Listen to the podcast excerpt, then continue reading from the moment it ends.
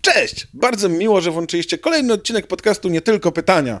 To jest podcast, w którym przeprowadzam rozmowy, ja, Jasiek Wasilewski, przeprowadzam rozmowy dla was, słuchaczy, z artystami, głównie z improwizatorami, ale nie tylko. Dzisiaj jest niesamowita gościni, ponieważ improwizatorka, która działa od bardzo wielu już lat.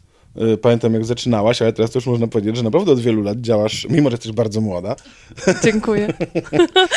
działasz w improwizacji. Karolina Norkiewicz z klubu komediowego, Humbuka i mnóstwa innych projektów. Cześć. Cześć, cześć, cześć. Bardzo mi miło. No, bardzo się cieszę, y, że, mm, że, przyjęłaś to zaproszenie.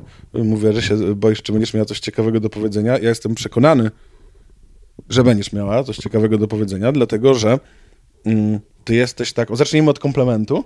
Tak sobie myślałem teraz... Skończymy na wrzutach. Na wrzutach, tak, tak. Nie, wiesz co, jadąc tutaj, myślałem sobie, y, że ty masz taki rzadki dar, który mają improwizat- który niewielu improwizatorów ma. Bo bardzo często mówimy improwizatorom, żeby nie żartowali, nie wrzucali żarcioszków, nie robili żartów językowych na scenie, bo to zepsuje scenę, nie? Więc tak naprawdę jak patrzysz na improwizację ogólnie, to się dzieje na improwizatorów, którzy rzetelnie improwizują, robią ciekawe sceny i y, improwizatorów, którzy rzucają żarciki i to rozwala te sceny. A ty masz coś takiego, że ty i zagrasz dobrą scenę i jak trzeba, to coś błyskotliwie rzucisz w jakieś krótkie rzeczy w czymś. Dziękuję. Znaczy, ym, trudno mi, znaczy to jest zawsze ta niewdzięczna rola, żeby samemu siebie oceniać. Mogę więc powiedzieć, co sama jakby cenię w improwizatorach. W ogóle w, w, właśnie w kolegach po fachu.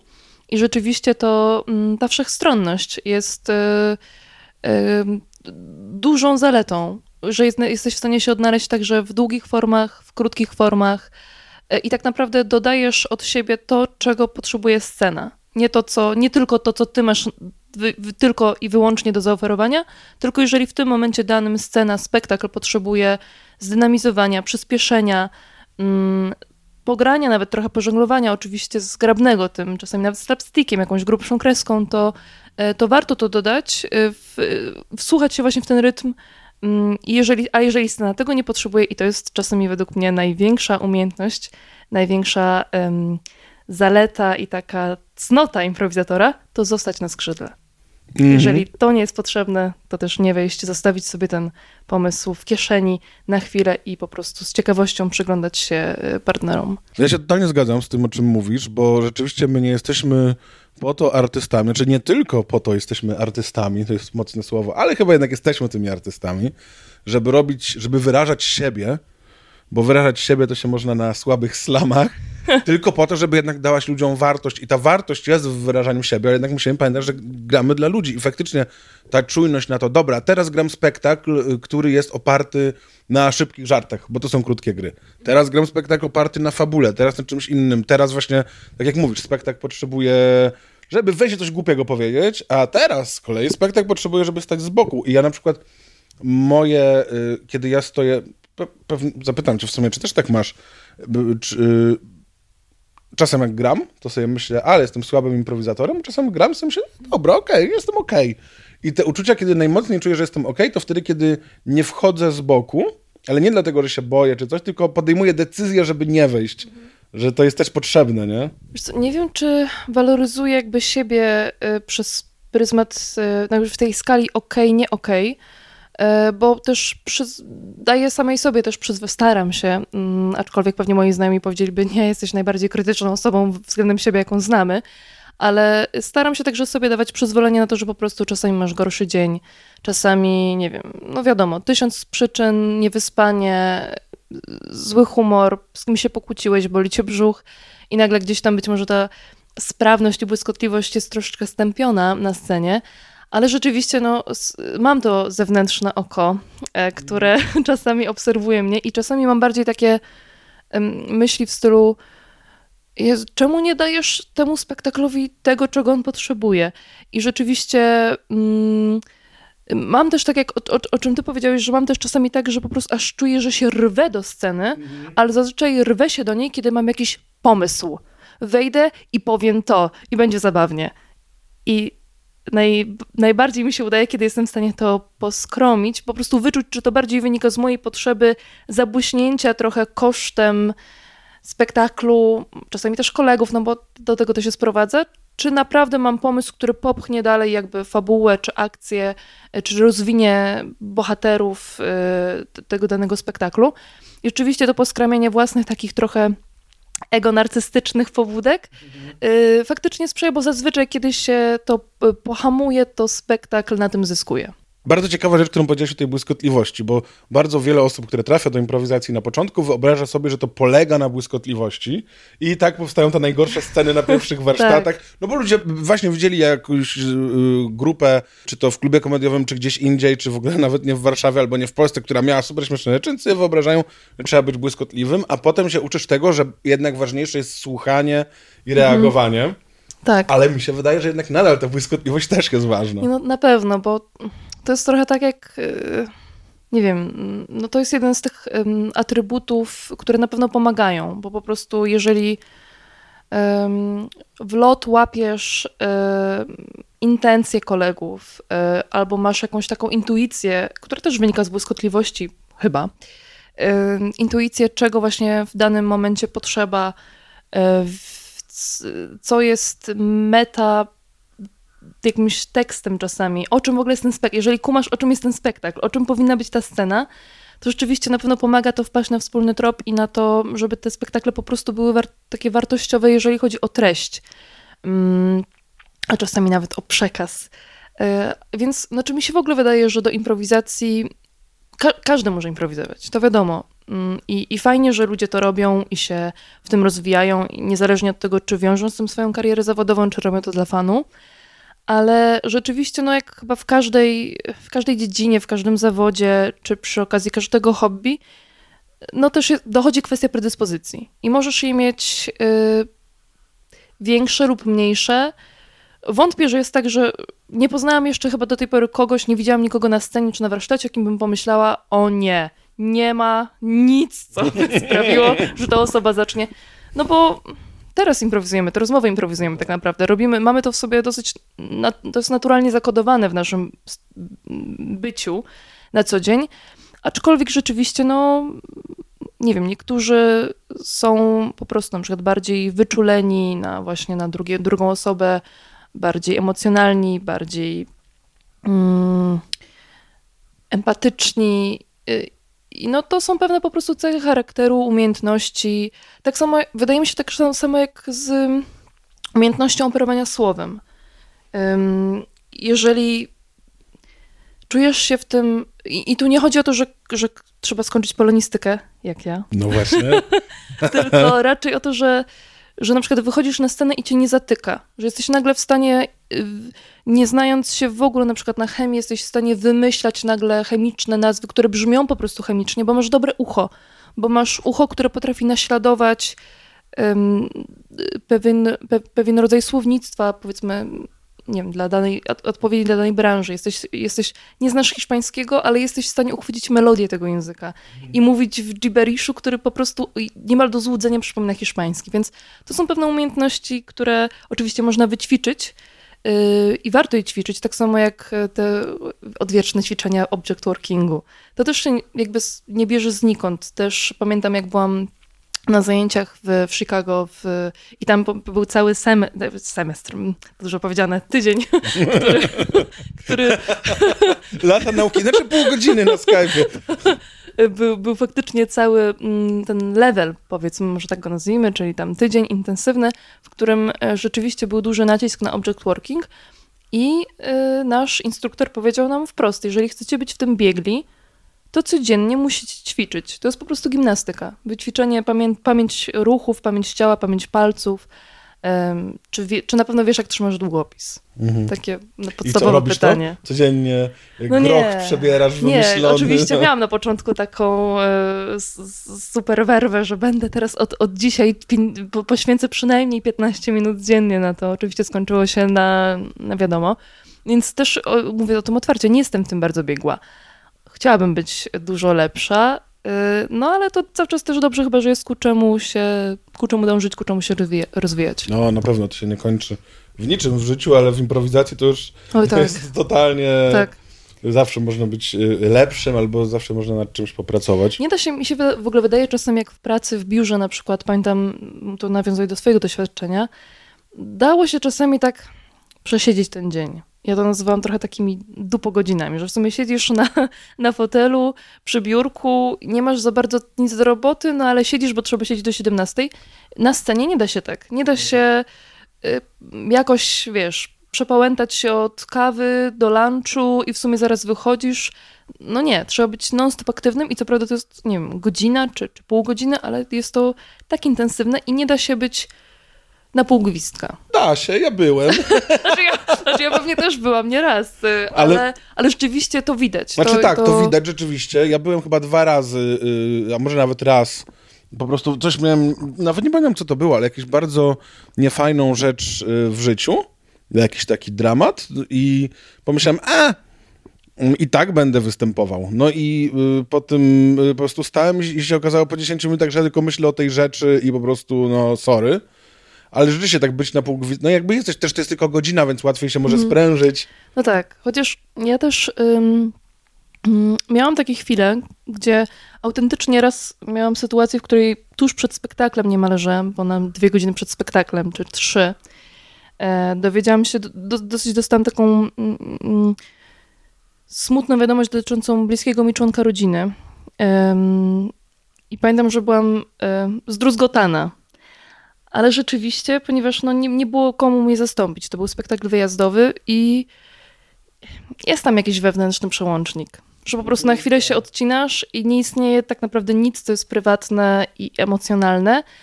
Grasz tę godzinę, jakby nie było całego tego kontekstu twojego osobistego, ale za to potem po prostu zjeżdżasz energetycznie w dół, dół, dół, dół, dół i potem się też, no to jest okupione też sporą jakby taką energetyczną mm, ceną.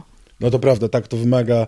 Jest to możliwe, żeby się przełączyć, chociaż mi się nie udało co najmniej raz czy dwa, ale, ale no były takie momenty, kiedy mi się po prostu nie chciało grać. Też każdemu Oj, się czasem tak. nie chce czegoś robić, ale O, przełączam jednak. pamiętne spektakle, trzeci spektakl z rzędu w klubie komediowym o 23.55. Ale jednego dnia, trzeci z rzędu. No były takie sytuacje, No, czasami jest. to nazywaliśmy, nazywaliśmy to pamiętam taką, taką zabójczą zmianą po prostu, że się szło i po prostu grało się ciągiem w weekend 19, 21 ta z haczkiem, 23 z hakiem, no i potem to już potem była jedynie siła, żeby na to, żeby siedzieć, dogorywać w, w garderobie albo iść do planu B na shota, który cię po prostu, jeden shot cię był w stanie ściąć z nóg. No tak, bo dla mnie rzeczywiście granie kilku spektakli z rzędu. No dwa spektakle są do ogarnięcia. No, męczące, zmęczysz się po dwóch Mhm. No tak. spektaklach, ale dasz radę. Nie? Ale czasami się też rozgrzejesz. Pierwszy Tak. cię tak trochę ten rozgrzewa, a już w drugim wymiatasz. Tak, ale granie dzień po dniu to jest super. W sensie, Mhm. zwłaszcza, ja, ja pamiętam jak pierwszy raz zagrałem y, trzy dni z rzędu i ten trzeci dzień, no wtedy jeszcze mi się zdarzała jakakolwiek, bo teraz mi się nie zdarza jednak trema przy impro, ale wtedy mi się Mhm. zdarzała jakakolwiek trema. Ale tego trzeciego dnia po prostu miałem wywalone, ale w tym dobrym sensie, Mm. nieoceniania siebie, takiego właśnie rozgrzania i to było wspaniałe było to granie. Tak. A w ogóle a propos tremy, mi się to, mi się to jeszcze zdarza. I lubię to. Wtedy mam takie poczucie, że u, czyli cały czas jest to w stanie mnie jeszcze onieśmielać i dać mi taki dreszczyk y, nowicjuszki. Y, y, I to, I to zazwyczaj mnie spina. Ale pamiętam te pierwsze spektakle, to były najbardziej chyba takie, gdzie, gdzie trzeba było jeszcze, nie wiem, głupie myślenie nachodziło, że trzeba coś udowodnić, pokazać, że się zasłużyło na tę szansę. Nie wiem, czy na przykład pamiętasz, pamiętasz w ogóle coś takiego jak taka dawno temu wakacyjna scena klubu komediowego i to było chyba, to było w stacji Mercedes? Pamiętam stację Mercedes, tak, I myśmy tam w ogóle razem grali. Ja pamiętam, że Tak. to były jakieś w ogóle moje początki. I ja czułam się jeszcze z bardziej doświadczonymi improwizatorami i nagle wypuszczona przed tymi ludźmi. I to było, ojej, to było strasznie po prostu... y, Wydaje mi się, że nawet pamiętam, że się stresowałaś przed tym. No. Też mi się tak kojarzy, że miałaś tremę właśnie, bo tam rzeczywiście było, było trochę takich ludzi jak ja. No wtedy byłem Byłeś do, trochę był bardziej doświadczony, tak, Gasik. No byliśmy trochę bardziej doświadczeni, no ale bez szału, ale też tam zawsze była tak z jedna osoba z klęcyka, a to już wtedy tu wchodził stres, Oj, o tak, Boże, nie? tak, Gram tak, z tym, tak. o matko, tak, tak. No pamiętam, to w ogóle sympatycznie było w tej stacji Mercedes całkiem. Bardzo. nie? I plener. E, aczkolwiek nie wiem, czy pamiętasz, że to jest taką obiegową jakąś anegdotą, że jeden z naszych kolegów po fachu wtedy, po jakimś spektaklu, kiedy myśmy się w ogóle totalnie tam spruli, dali wszystko z siebie, mieliśmy poczucie, że było super. Jeden z naszych kolegów po fachu skomentował to mówiąc, przepraszam, mm, mówiąc chujowo, ale stabilnie. To był Potem- kolega wredny, czy to był kolega, który Mo- chciał być nie miły? Wiem, no może, może po, jak już wyłączymy dyktafon, to ci przypomnę, kto to był, bo wydaje mi się, że, A że jak ktoś, kto grał w tym? Nie, nie, nie, nikt ze sceny. Ktoś, kto akurat oglądał, no ale też jakby jest... e, Znaczy bardzo, jeżeli ta osoba się rozpoznaje w tym cytacie, to serdecznie cię pozdrawiam. Mówię to oczywiście z dozą sympatii. Dozą, ale tylko dozą. Coś, coś, mnie, coś mnie tak świta, że, że było coś, ale tyle różnych dziwnych komentarzy.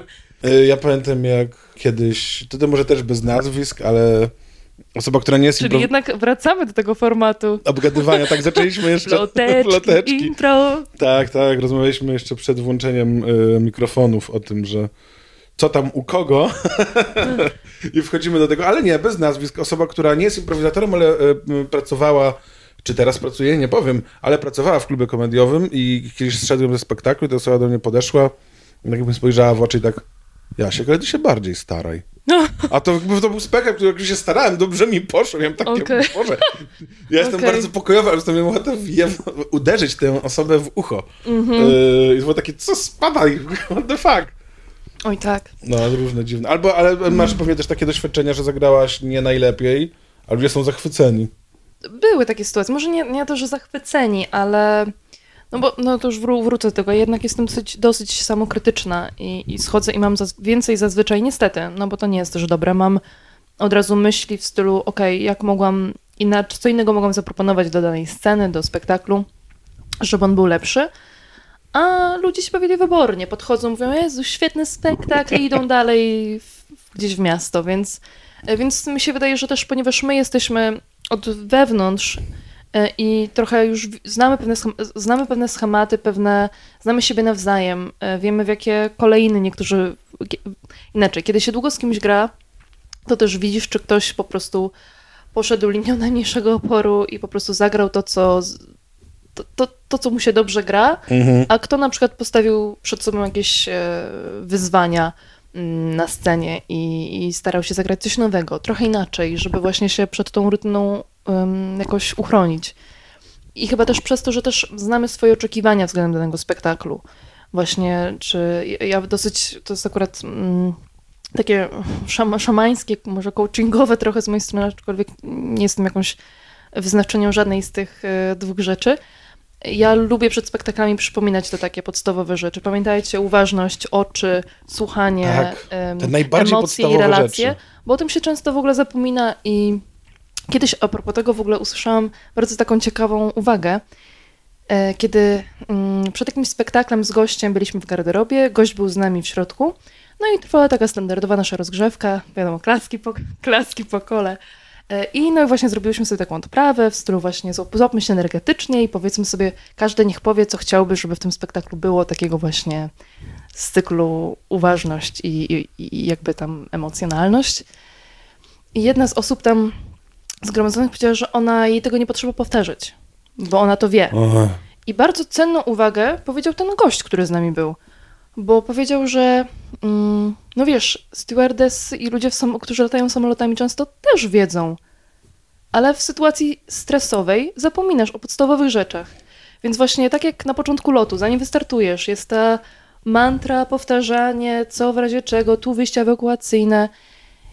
Dobrze sobie gdzieś tam to odświeżać za każdym razem, na wypadek właśnie, gdyby się nagle ten spektakl posypał, wszyscy stracili nie wiem, głowy i w ogóle odlecieli w ogóle na jakieś e, kosmiczne poziomy abstrakcji. tak, ja też to lubię. Nie lubię sam mówić, przypominać Mhm. tych rzeczy, bo ja y, chyba mówię to niezbyt miło. W sensie, tak, że jakby to brzmi, jakbym zakładał, że gram, jakby takie ja mam poczucie, że jak ja to Dobra, mówię, kurwa, chłopaki, pamiętajcie. no bo jakby nie zjebcie tego, No. bogacie ze mną, ale bardzo lubię, jak ktoś inny to powie, Okej. bo wtedy jak nie muszę. Ja to inaczej traktuję, ale to może ja mam jakieś, przez to, że pracuję też w klubie, em, to może dlatego mam jakieś takie e, nieuzasadnione może do końca poczucie jakiejś takiej gospodarskiej, ob, gospodar, gospodarskiego obowiązku, że trochę trzeba wszystkich złapać I, I nawet jeżeli jest jakaś tam niezborność i rozgadanie, to właśnie złapać to chwilę i nadać temu właśnie taki już um, uważność, no, którego też wymaga praca, no bo my też pracujemy w ten sposób, więc warto do, mieć tego, zachowywać taką właśnie, um, nie wiem, no, higienę pracy, no mówiąc najogólniej może. No tak, bo to jest rozrywka, ale jednak to jest mm -hmm. też praca. Występowanie jest rozrywką i fajną zabawą, ale to jest też praca. Jak przychodzi mm -hmm. pełna sala ludzi, no to sorry, ale jakby no zapłacili. Tak, no. no. Ja, ja też czasem właśnie się, niektórzy improwizatorzy powtarzają, przede wszystkim ważne, żebyśmy się my dobrze bawili. No nie do końca, ja się z tym nie zgodzę, bo super jest mieć pracę, która sprawia ci fan i radość i to jest ekstra, ale to wciąż jest praca. I yy, wymaga, ponieważ ludzie płacą za bilety, E, oczekują też czegoś. Nie mówię, że teraz trzeba oczywiście schlebiać oczekiwaniom każdego widza, który tam beknie, pierdzi i na słowo inspiracji krzyknie dupa, bo tacy są najgorsi. Nie chodzi o to, żeby jakby schlebiać tym najniższym gustom, ale że wymaga to przynajmniej jakiejś odrobiny, nie wiem, no... Mm, profesjonalności, której się wymaga, profesjonalizmu, którego się wymaga w każdej in, innej branży tak naprawdę, od każdego innego pracownika, e, czy nie wiem, lekarza, piekarza, czy nie wiem, nauczycielki. I też takie, myślę, dużo mówiłaś o uważności i uważności nie tylko na partnera, ale też na właśnie publiczność. To, co ty mówiłaś wcześniej o, o tym takim wyczuciu, czego scena potrzebuje. No to jest trochę to, czego ludzie potrzebują.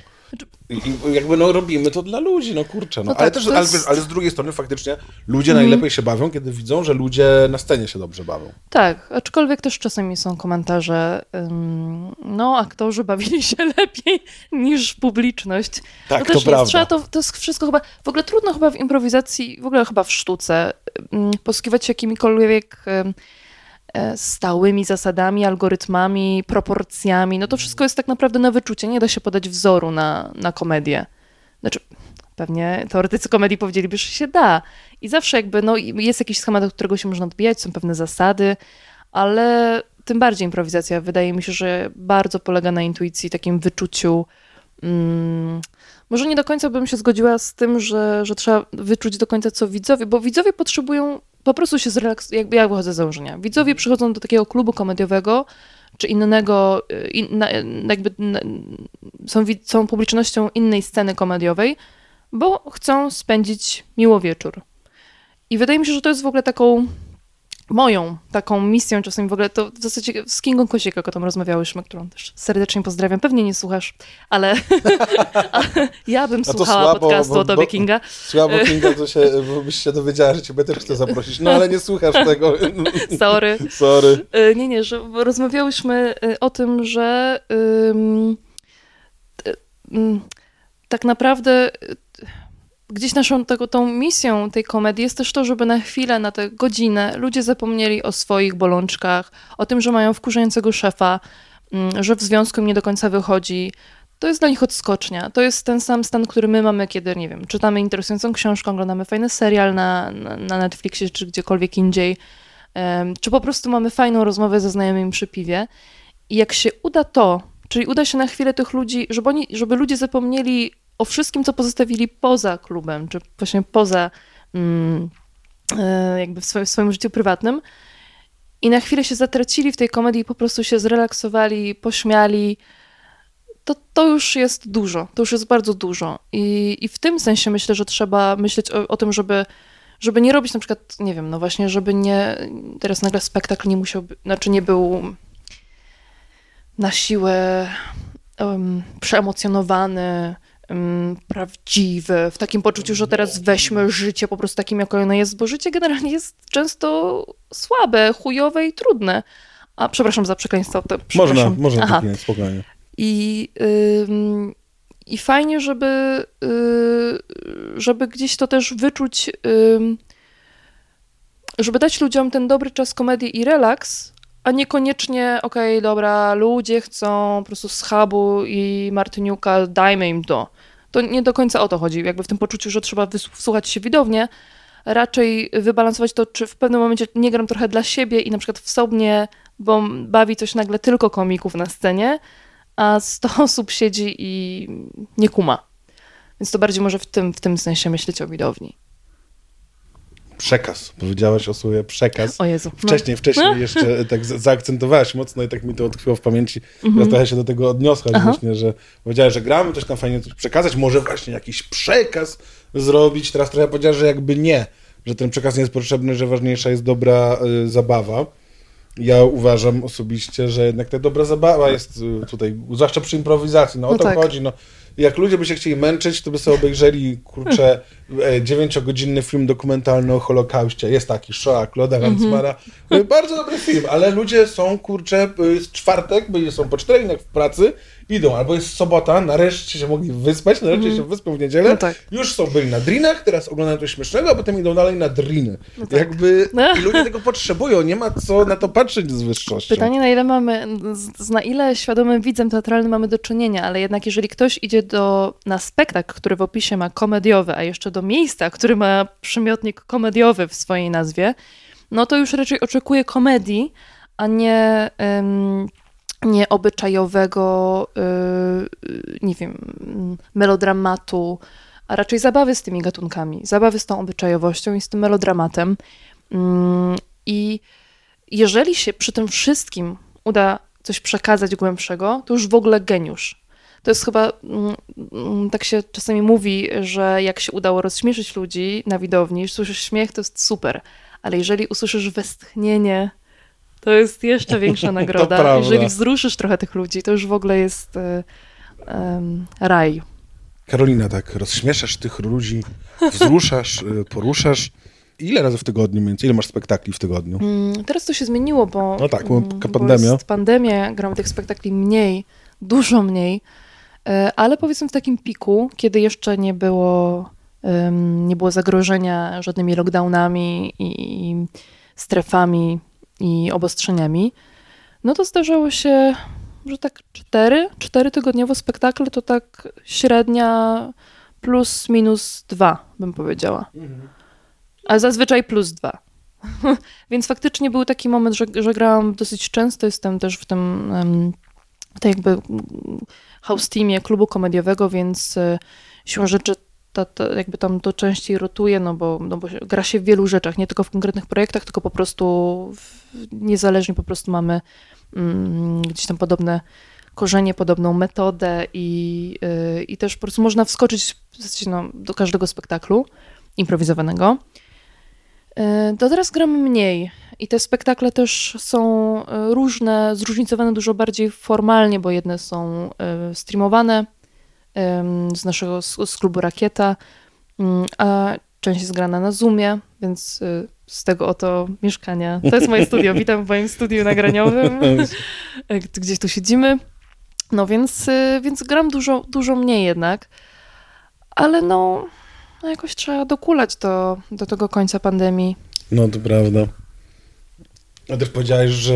mm, A nie, jeszcze zanim zapytam Mhm. o, o twoją pracę też w klubie komediowym, tą nie na scenie, y, albo o to zapytam oczywiście, bardzo mnie to Mhm. interesuje zresztą, ale chciałem jeszcze o ten house team zapytać. Rozumiem, że wy też się na próby jakoś spotykacie pewnie, tak? W tygodniu.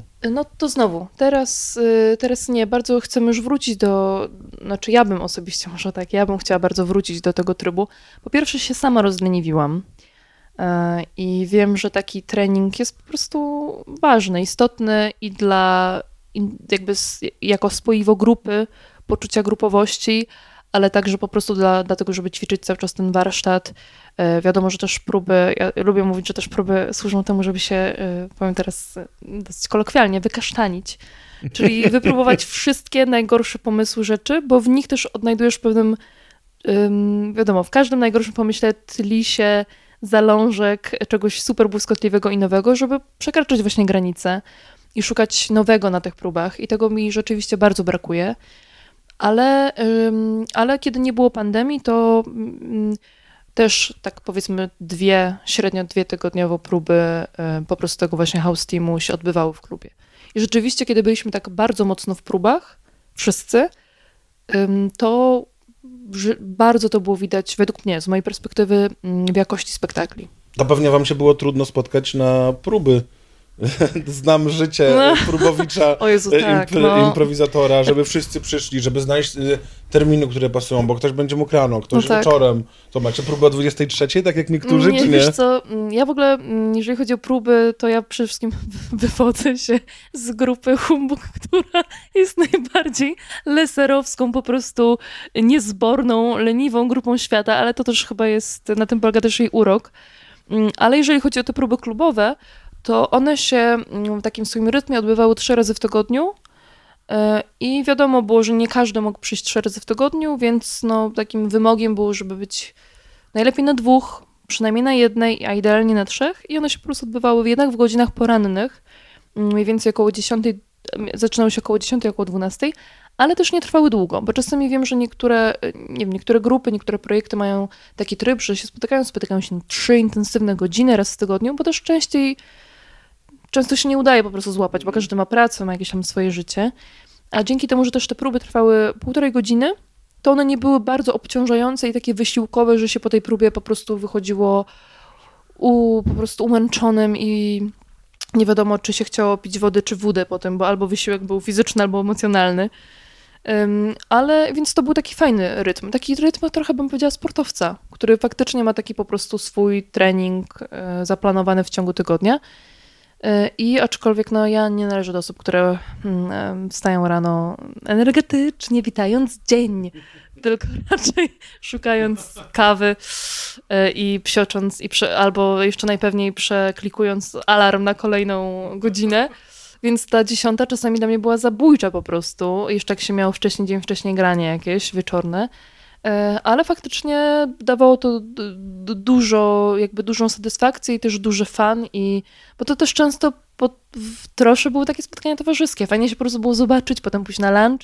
Em, więc też tak się ta grupa, ta grupowość i to poczucie przynależności do jednego środowiska, do jednego konkretnego miejsca, też do jednej konkretnej sceny się tam fajnie właśnie za, mm, no, zawiązywało i zacieśniało. A jak się dzielicie, kiedy już macie te próby, jak Mhm. się dzielicie prowadzeniem prób? Bo bardzo różnie grupy robią. Niektórzy mają zewnętrznego Mhm. y, trenera, niektórzy się wymieniają, niektórzy nie mają. Mhm. Jak to u was to To w funkcjonuje? takim kluczowym, znaczy jak to, funkcjonuje, jak to funkcjonowało raczej, no bo to trochę mówimy jeszcze, jak mam nadzieję, że to wróci, jak to dalej będzie funkcjonowało, że się uda przywrócić ten stary, dobry rytm. No w takim kluczowym momencie zawiązywania się jakby pewnego wspólnego myślenia o improwizacji, który jest, myślę, gdzieś tam widoczny w klubie komediowym, no to y, próby prowadził Michał Sufin. Y, Też y, może nie wymiennie, ale raz na jakiś czas prowadził zajęcia Bartek Monarski. I w zasadzie oni tak prowadzą tę naszą ekipę. Mm, aczkolwiek y, w pewnym momencie, tylko że to, to trwało powiedzmy, nie wiem, półtora roku, dwa lata, tego dokładnie nie pamiętam, kiedy już wypracowaliśmy sobie tę metodę, e, te próby, m, okazało się, że jesteśmy, umiemy, umiemy sami poprowadzić te próby w oparciu o ćwiczenia i metody i założenia, które już wcześniej sobie wypracowaliśmy. I faktycznie przez na długi czas takim, no bo wiadomo jak to jest, jak ktoś prowadzi próby, każdy prowadzi inaczej, jest, y, jest to poczucie, że no, czasami, że nie wiem, no, nikt tutaj nikogo nie przewyższa ani stażem, ani talentem, ani niczym innym, więc czasami no, bywały jakieś takie, może chwilami, to nie nagminnie, ale bywały jakieś takie momenty, że powiedzmy mm, były jakieś tam, mm, no też spięcia to jest za dużo powiedziane, ale no jakieś takie niesnaski w związku z tym, że ktoś coś powiedział, wiadomo, na przykład za kogo się ta Nora ma, żeby mi mówić, że nie zagrałem jakoś tam. To oczywiście tam przykładowo. y, Oczywiście bo przykładowo tak nie bo było. ja daję świetne uwagi.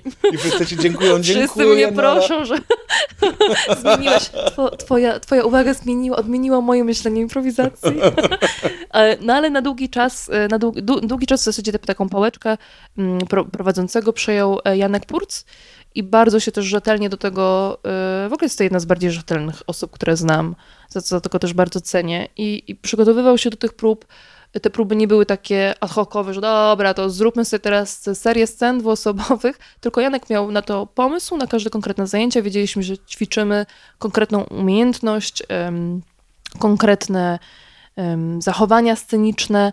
Em, I faktycznie długo był takim naszym właśnie, jak to powiedzieć, no takim, tak, takim zastępcą kapitana, nie wiem jak to powiedzieć, no prowadził nas, ale też, e, też bardzo często sam, to nie było tak, że stał obok i jakby mm, z tej perspektywy właśnie, nie wiem, em, coacha dawał uwagi, sam też grał, sam też ćwiczył, więc jednocześnie więc miał o tyle podwójną trudną rolę, bo jednocześnie prowadził tę próbę, mm, ale też e, sam też robił, wykonywał ćwiczenia, które wprowadzał na zajęcia, ale rzeczywiście Janek ma jakąś taką super mm, też cechę chyba charakteru i taką umiejętność, że nie jest konfliktogenny. I faktycznie te jego uwagi są celne, fajne, dopuszcza cię też do rozmowy, do mm, tego, żeby omówić to każde ćwiczenie, czy, czy właśnie jakby jego, jego uwagę, więc też mi się wydaje, że no idealna osoba na idealnym miejscu w, w tak też no, trudnym środowisku, bo każdy z nas gdzieś tam ma to swoje też ego, jest, że mówi się, że więcej talentu niż przestrzeni po prostu e, na scenie, a Janek potrafi to fajnie poprowadzić i, i tak e, zbalansować. A kto jest obecnie w house teamie klubu komediowego? I Rakiety, jak rozumiem, to jest Tak, jeden tak, house tak, team. tak. Jeden. Wiesz co, bo to jest Pewnie nie wymienisz wszystkich, bo wiem, że zawsze się zapomina o No kimś, tak. ale jakbyś mogła spróbować. Chciałam podziękować. Wiesz co, Zapomnij jest... o Kindze za karę, że nie słucha. Nie, nie. Wiesz co, to jest też o tyle ym, ciekawe, bo mamy jakby taki, ja, ja to w ogóle patrzę podwójnie, bo mam taki house team aktorski, bym powiedziała, czyli osoby bardzo ściśle związane też z ekipą przewodnika fabularnego i w ogóle z e, formatami pisanymi, ale jeżeli pytasz się o ten improwizowany, jakby improwizowaną sekcję, mm, no to, o matko, teraz nie wypada mi pominąć kogokolwiek, ale no poza mną, Bartkiem, Michałem, jest to Kinga, e, z nazwiskami? No, może lepiej z nazwiskami, nie wszyscy tak Dobrze, każą. niech No, będzie, więc, Michał Sofin, y, Bartek tak. Młynarski, No, tak. y, Karolina Nora Norkiewicz, ja, Kinga Kosik. Kinga Kosik-Burzyńska, Huber, Burzyńska. Hubert Skrzyński, Mateusz Lewandowski, Weronika Nockowska, e, Bartłomiej Magdziarz, e, Marta Podobas, Łukasz Zajączkowski, Marcin Pawlina, Agnieszka Purc, Janek Purc, e, o, jest, teraz mi tchu zabrakło, mm, szybki, e, Dorota Dakota-Pawiłowska, e, Piotr Gasik, kto tam jeszcze, tak patrzę szybki przegląd, Jest, są też osoby, które, których też, z którymi się dawno nie widziałam, przez to, że pandemia troszkę nam też no, te, rozluźniła te, te em, to A Mateusz bycie, Płocha? Tak, o Mateusz, oczywiście, że Mateusz Płocha. No Mateusz Płocha to w ogóle jako taki, powiedziałam też gościnnie, no bo jednak to Mateusz Płocha, to kto, kto zna, to jednak powiedziałby, oburzyłby się wręcz, gdybym powiedział, że Mateusz Płocha jest członkiem klubu komediowego, bo jest przede wszystkim chyba kojarzony z, jednak z wrocławskim, z wrocławskim e, środowiskiem.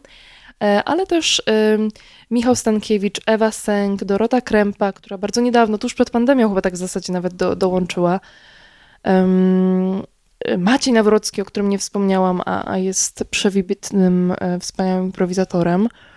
Ym, no, tak jeszcze sobie przeglądam w głowie, czy o kimś zapomniałam, ale Jezu, jeżeli zapomniałam, to znaczy, że jesteś najbardziej utalentowaną osobą w naszym teamie.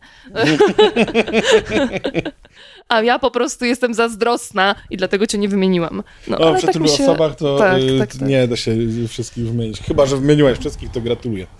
Mhm. Janek Purc. Idealna osoba na swoim miejscu. Tak. Płynnie przechodzimy do pytania o twoją pracę w klubie komediowym. Y, Jakie ty masz y, funkcje w klubie komediowym? Ym, obecnie jestem chyba na- naj, najłatwiej, żeby to ująć, menadżerką do spraw repertuaru. I też takich współprac, bym powiedziała, znaczy, to, ale to się wynika z repertuaru, współprac takich ym, kulturalnych, nie, niekomercyjnych, a raczej właśnie ym, mających znamiona impresariatu, tak może bym powiedziała. Okej, czyli jeżeli Mhm. trzeba, y, jest fabryka parówek, która ma urodziny 20, to nie To ty nie będziesz ja, odpowiadała nie za ja. spektakl, Nie, nie. tylko ktoś inny. Chyba, że jest to święto parówek. No właśnie, Święto parówek Światowe- w Serocku. Światowe Dni Parówek. Tak, i jedziemy tam grać. To, to tak, to wtedy prawdopodobnie mm, prawdopodobnie do mnie by to wpłynęło. Mm, No ale to poza tym główną, głównym takim zadaniem e, jest układanie repertuaru i zarządzanie takie od strony administracyjnej bardziej bym powiedziała i koordynującej. Mm, zarządzanie zespołem, w zasadzie kto kiedy ma terminy, kto kiedy gra, upewnić się, że wszyscy wiedzą, że w tym grają danego dnia, mm, kontakty z gośćmi, których mamy w klubie komediowym.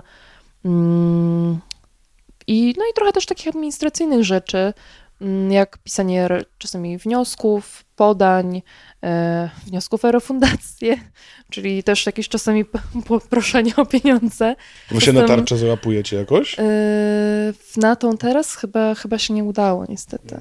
No więc, y, no ale zobaczymy. No, ja, ja też jakby nie siedzę, nie jestem stricte związana z finansami, więc to, to dobrze, bo jakby jak już spadło, to jestem, po, jestem naprawdę humanistką e, z krwi i kości, jakby nie, nie jestem biegła bardzo, bardzo w liczbach, ale, ale właśnie te umiejętności polonistyczne, redakcyjne, edytorskie są też wykorzystywane czasami po prostu do sprawdzania pewnych pism, e, właśnie, nie wiem, wniosków. E, Też bardzo często to ja piszę opisy na wydarzeń na stronę, więc trochę takiej też oprawy, powiedziałabym, redakcyjno-promocyjnej, bo też promocją się kiedyś zajmowałam w klubie komediowym, ale no, no jakby no stwierdziłam, że e, lepiej będzie, jak skupię się na jednej rzeczy, bo obie są tak duże i wymagające, że teraz promocje przejęły inne, bardziej kompetentne osoby ode mnie. Kto się zajmuje promocją? Możesz powiedzieć? Czy... Tak, tak, tak. Taką promocją, jeżeli chodzi o kontakt z mediami, bo ta promocja też zawsze ma, bo ta promocja się dzieli, no, jeżeli chodzi o, mm, nie wiem, mm, zarządzanie naszym Facebookiem, to robi to Hubert Skrzyński. O Boże, czy wymieniłam Huberta Skrzyńskiego? Tak, y, jak, Wymieniłam tak, go. Tak. Uff. Po Kindze bezpośrednio. Uff, całe szczęście, bo to już byłoby duże pas, e, jakbym o nim zapomniała. Więc Hubert Skrzyński, który, który właśnie... Teraz ta osoba, Moderuje. którą naprawdę zapomniałeś sobie myśli, a okej, to ze mną nie masz takiego pas. O nie, zaraz naprawdę podejdę do komputera i sprawdzę, bo mam was wszystkich spisanych, kochani. Mm, Hubert Skrzyński na przykład zarządza fanpage'em, jest autorem wielu bardzo śmiesznych wpisów u nas na, na fanpage'a. Czy, nie wiem, za, jeżeli, jeżeli chodzi o promocję, no to też jeżeli chodzi o bilety i kontakty z bileteriami, taką ścisłą promocję sprzedażową, to też jest, i- inne osoby się tym zajmują. Ja, e, a, a takim kontaktem z mediami zajmuje się Ewa Paderewska, która jest w ogóle z zewnątrz, więc być może dlatego też to tak dobrze działa, bo po prostu nie, bo bardzo dużo osób w klubie po prostu występujących na scenie również pracuje w klubie i gdzieś ta podzielność uwagi i to, że jest się jednocześnie artystą, jednocześnie mm, po prostu no, urzędnikiem chwilami, no, no, no jest trudna. Czasami po prostu, ja, ja też dlatego między innymi się przestałam zajmować promocją, bo po prostu jedno, jedna z, jakby jeżeli jedno cierpi kosztem drugiego, no to też nie jest dobrze, więc po prostu czasami na tej głowie jest za dużo rzeczy i trzeba sobie po prostu pozwalniać em, jakieś tam przestrzenie. Ym, no, więc, więc to tak... mm, jakie było pytanie? Zapętliłam. To się zajmuje promocją. No tak. Tak, Czyli tak. właśnie powiedzmy, że, no, i że taką promocją um, czy typu właśnie media relations to jest to Ewa Paderewska. No, nawet nie znamy Wypaderewskiej i to pewnie dobrze, bo rzeczywiście fajnie, bo znam głównie artystów i myślę, że to rzeczywiście fajnie, że osoby, które zajmują się tym takimi sprawami nieartystycznymi, nie są artystami, bo też nawet jedno, że, że mają po prostu tą energię trochę zwolnioną, bo nie są wymęczone tym graniem, ale też takie spojrzenie z zewnątrz. Mi by było chyba trudno zarządzać y, grupą czy miejscem, w którym występuję. Nie, nie potrafiłbym spojrzeć powiedzieć, ej, kurde, słuchajcie, czy pomyśleliście o czymś tam, rzeczy, które bym pomyślał o innych No grupach. tak. Nie? To też mm, wydaje mi się, że w ogóle jakby, jeżeli trochę to sobie myślę o niektórych grupach, e, które też jakby same, same sobą e, zarządzały, no to często w pewnym momencie się to po prostu wypala, bo, bo właśnie te wszystkie upierdliwości związane z, wiem, bukowaniem występów, dogadywaniem umów, em,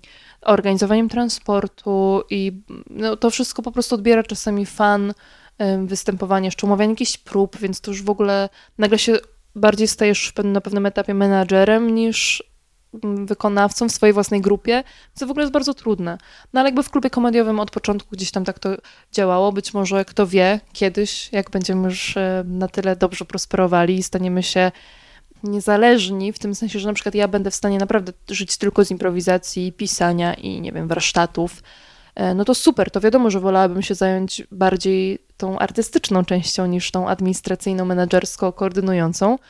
No ale w tej chwili to jest, y, tak to funkcjonuje, tak, takie są możliwości finansowe i jakby mm, mm, HR-owe tej, tego miejsca, że no też, też, no też nie jest to najgorsza praca świata, bo ja, ja to lubię.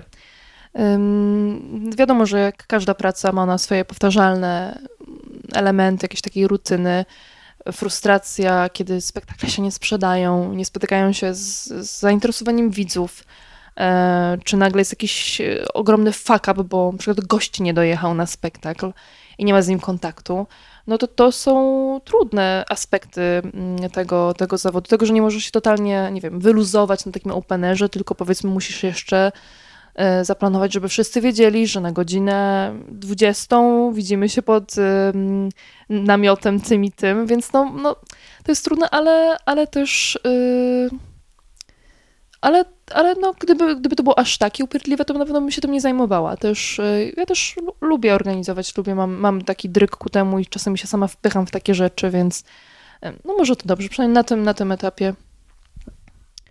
Najgorsze jest chyba tak poczucie, tak przepraszam, bo tak już długo mówię i już się zamykam, mm, ale takie chyba naj, naj, chyba takim mm, y, mm, jak to powiedzieć, y, zagrożeniem jest y, takie wypalenie, chociażby właśnie ten repertuar, kiedy myślisz, ja o to ostatnio miałam, dosłownie naprawdę, z tydzień temu miałam po prostu taki, jakąś zapaść, bo nie byłam w stanie się, wiele osób w ogóle ode mnie nie odzwaniało, nie odpisywało na maile, już naprawdę zastanawiałam się, miałam paranoję, że być może te osoby poblokowały mój numer y, i że miałam poczucie, że, że gdzieś tam też mam, też czasami sobie myślę, że też muszę trochę spłacić taki dług zaufania względem kolegów z zespołu, że no na tyle się ogarnę, że będą fajne spektakle w tym repertuarze, będą na tyle e, interesujące, że ściągną widzów, że nie będziemy grać, nie wiem, dla kilku osób po drugiej stronie jeszcze, nie dość, że nie na widowni, to jeszcze po drugiej stronie komputera i że po prostu wykonam swoją robotę i zapewnię im, im pracę.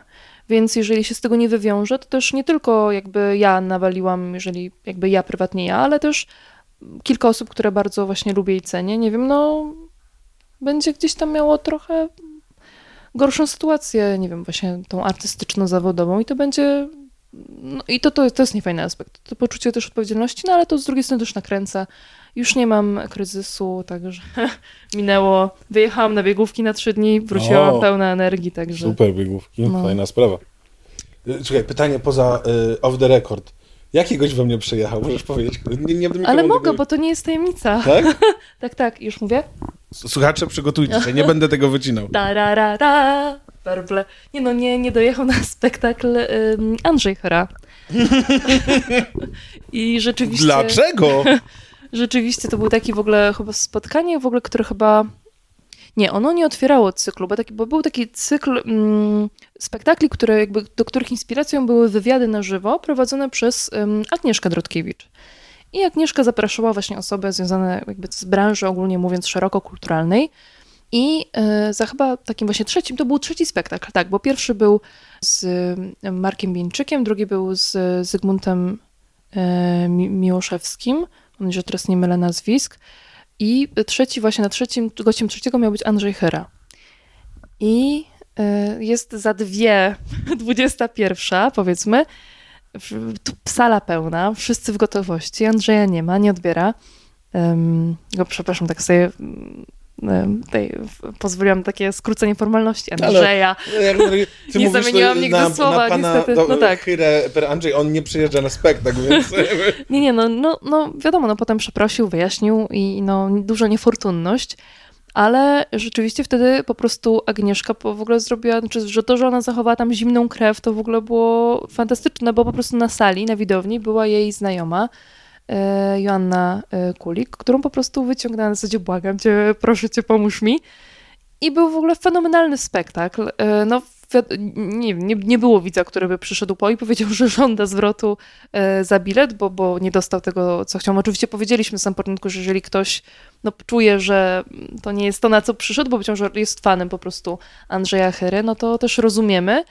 Mm, No ale wszyscy zostali, w ogóle spektakl niesamowity.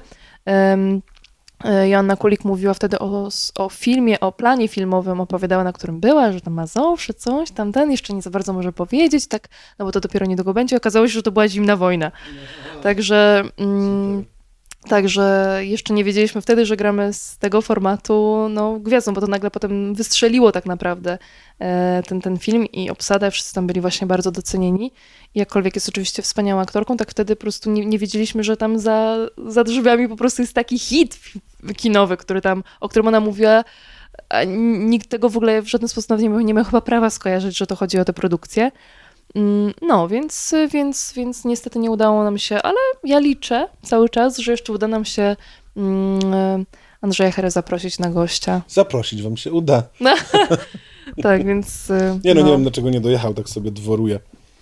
Dla mnie to jest w ogóle fascynujące, jak opowiadasz o tych wszystkich sprawach organizacyjnych y, w klubie komediowym. No bo ja tam byłem na samym początku i przez parę lat. Mhm. Tak.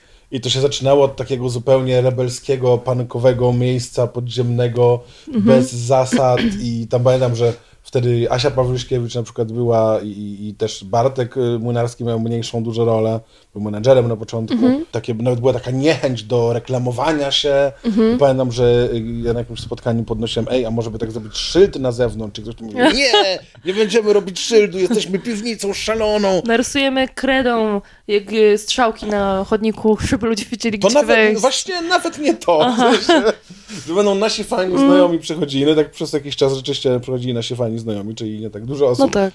No a w ostatnim czasie, no to rzeczywiście to jakby taka organizacja już duża. Niektórzy wręcz mówią, ale to już na wyrost na pewno, że to wręcz taka korporacja No nie, komediowa. no, ale korporacja już to jest chyba dużo trochę- powiedziane. To właśnie. Em, bo na pewno się bardziej sformalizował, e, co nie znaczy, że jest em, bardzo formalny e, nasz układ, bo jakby to jest cały czas grupa znajomych, często gdzieś tam w różnych konstelacjach bliskich przyjaciół, e, którzy po prostu prowadzą razem miejsce, robią razem fan. No jak w każdej takiej, powiedzmy, firmie rodzinnej, która się, nie wiem, zajmuje, nie wiem, robi lody rzemieślnicze i nagle się, i robią to dla fanów, bo to kochają i tak dalej, i nagle się okazuje, że jest na to, em, jest na to popyt, jest to popularne i nagle się okazuje, że przychodzą w, nie wiem, powiedzmy w sieciówkę, no to też to trochę na tej zasadzie, chyba po prostu pewne, pewne mm, procesy w takich wypadkach, czy jest się firmą, e, która robi lody rzemieślnicze, czy klubem komediowym, no z tym rośnie, wraz z tym rośnięciem trzeba w pewnym momencie mm, wymyślić, jak to zorganizować, żeby się to po prostu nie posypało, bo nagle tych rzeczy stało się więcej. Ludzie, nagle się te spektakle zaczęły wyprzedawać, więc my też zaczęliśmy grać więcej, bo skoro są chętni i chcą em, oglądać spektakle, a mamy na to przestrzeń, no to czemu nie? Mm, I, e, i ja, ja w tym nie widzę nic złego. I pamiętam jeszcze, pamiętam takie gdzieś tam burze, które się działy bardziej może na grupach wewnętrznych, że nie wiem, ktoś gdzieś wystąpił w jakiejś reklamie, ktoś z kimś zagrał i z drugiej strony tak na koniec dnia no i co z tego? Znaczy serio, po prostu każdy ma swoją ścieżkę kariery. Kim ja jestem, żeby oceniać, że nie wiem, że koledzy moi po fachu, a często i nawet bardziej niż po fachu, bo, bo wśród, nas, wśród naszego grona też są aktorzy profesjonalni. I kim ja jestem, żeby im mówić, że podejmują złe czy dobre decyzje, zwłaszcza jeżeli nie jestem pytana. Więc, ym, więc wychodzę z założenia, wiadomo, że są pewne rzeczy, na które ja też mam, miałabym wewnętrzny opór. I czasami, nie wiem, przegadujemy jakieś rzeczy, ja mówię, nie, nie, nie, błagam, nie. Nawet nie umiem tego dobrze u, u, zracjonalizować, ale po prostu mam wewnętrzne poczucie, że to się mm, krzyczy wręcz y, z, z naszym gdzieś tam wizerunkiem.